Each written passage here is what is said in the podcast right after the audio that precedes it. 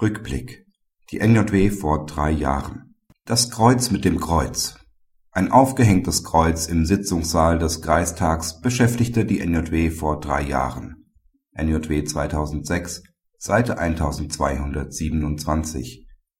Der VGH Kassel sah damals in der Anbringung des Kreuzes durch einen Kreistagsvorsitzenden in amtlicher Funktion keine persönliche Glaubenskundgabe nach Artikel 4 Absatz 1 und 2 Grundgesetz Vielmehr sei das Aufhängen der mittelbar staatlichen Institution des Kreistags zurechenbar, dem sich ein Kreistagsmitglied aufgrund seiner Anwesenheitspflicht in den Sitzungen nicht entziehen könne.